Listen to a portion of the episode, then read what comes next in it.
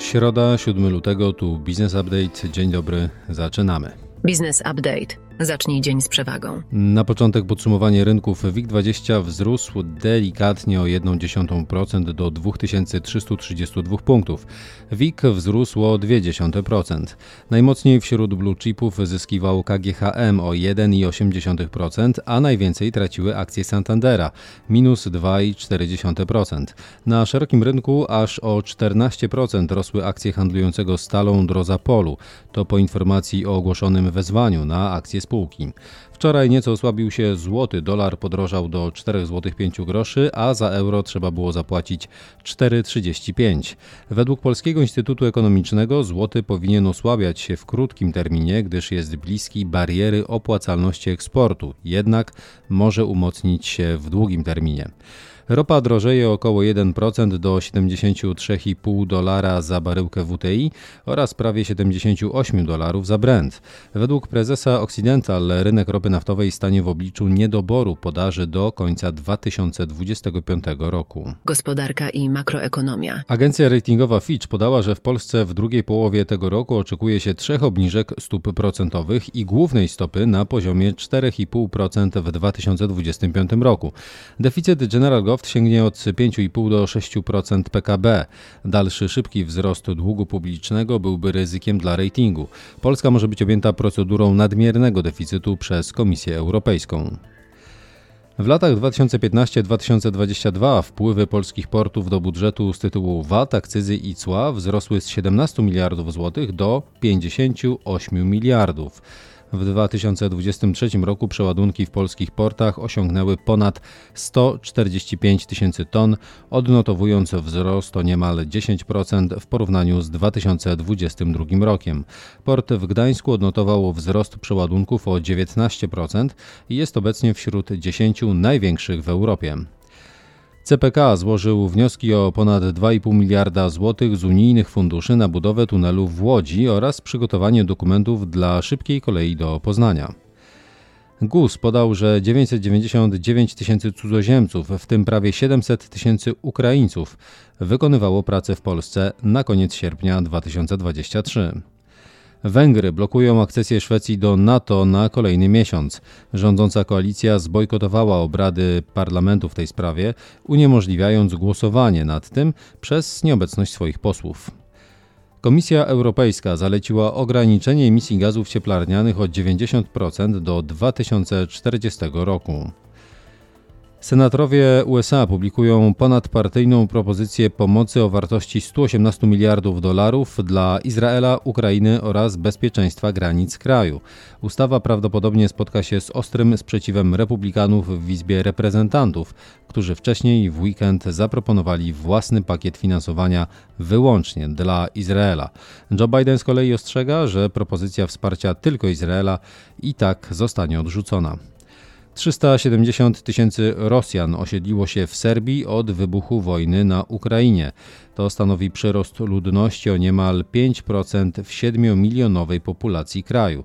Rosyjscy emigranci założyli tam 10 tysięcy firm. Informacje biznesowe. Budowa fabryki Intela o wartości 20 miliardów złotych w Miękini pod Wrocławiem prawdopodobnie nie rozpocznie się w tym kwartale.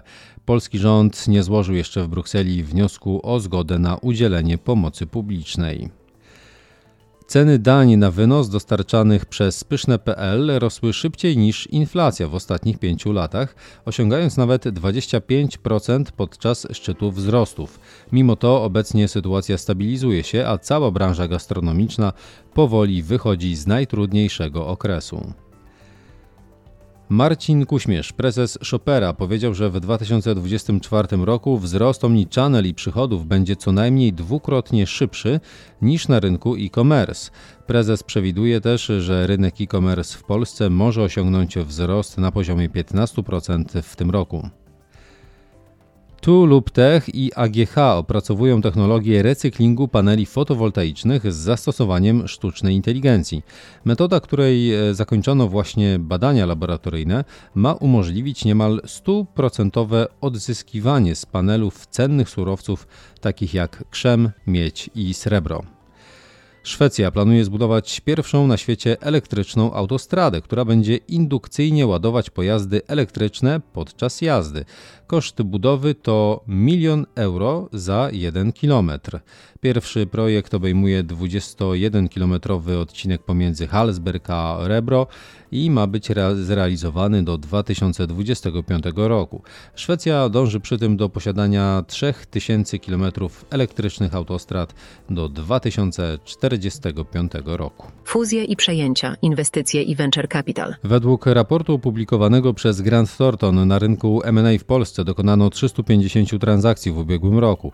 W 2022 roku na polskim rynku odbyło się 348 transakcji, a rok wcześniej było to 300. Najwięcej przejęć było w branży TMT, a inne aktywa pod kątem transakcji M&A to OZE, FMCG oraz gospodarka odpadami.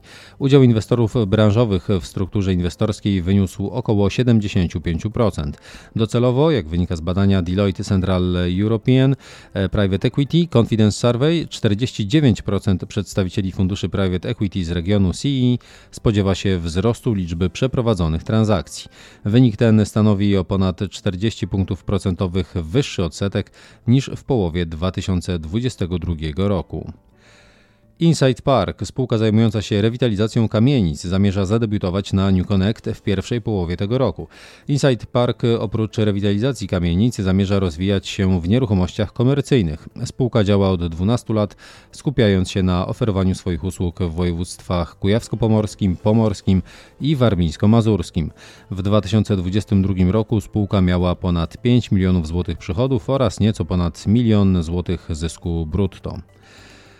Firmy private equity Bain Capital i Hellman Friedman przestają być zainteresowane nabyciem DocuSign za niemal 11 miliardów dolarów.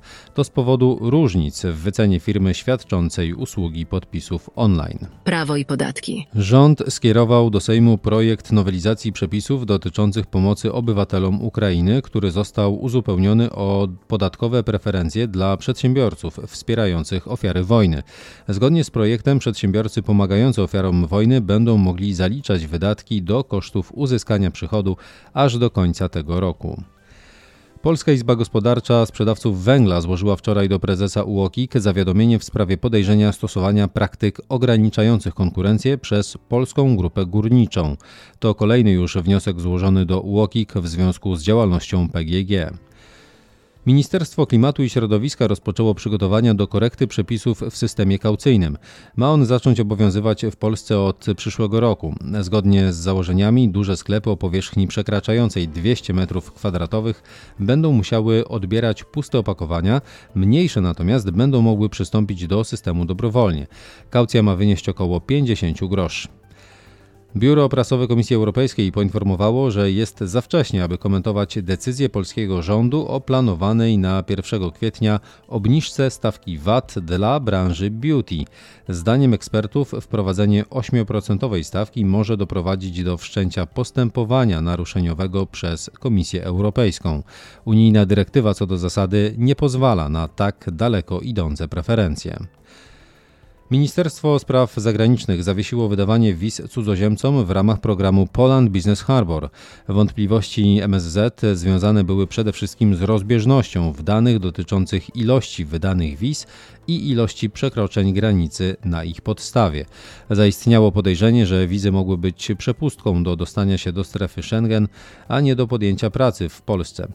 Program został zawieszony do odwołania. Dane i badania rynkowe. O 3,3% wzrósł rynek reklamy telewizyjnej w Polsce w 2023 roku, poinformowało Publicis Group. O nieco ponad 4% wzrosły w 2023 roku obroty sieci handlowych monitorowanych przez Retail Institute w Polsce. Około 94 tysiące metrów kwadratowych nowej podaży powierzchni biurowej powinno pojawić się na warszawskim rynku w tym roku, prognozuje JLL. 79% kupujących online w Polsce wybiera dostawy do punktów out of home, wynika z danych DPD Polska. Średnia europejska wynosi 44%. 55% ankietowanych polskich prezesów uważa, że bez transformacji firm nie utrzyma rentowności za 10 lat, wynika z badania PWC. Blisko 26 tysięcy odbiorców prądu zmieniło sprzedawcę energii w 2023 roku, wynika z danych URE. To tyle w tym wydaniu podcastu Business Update. Więcej informacji, danych liczbowych, a także rekomendacji spółek w naszej prasówce. Można się na nią zapisać na businessupdate.pl. Dziękuję, do usłyszenia.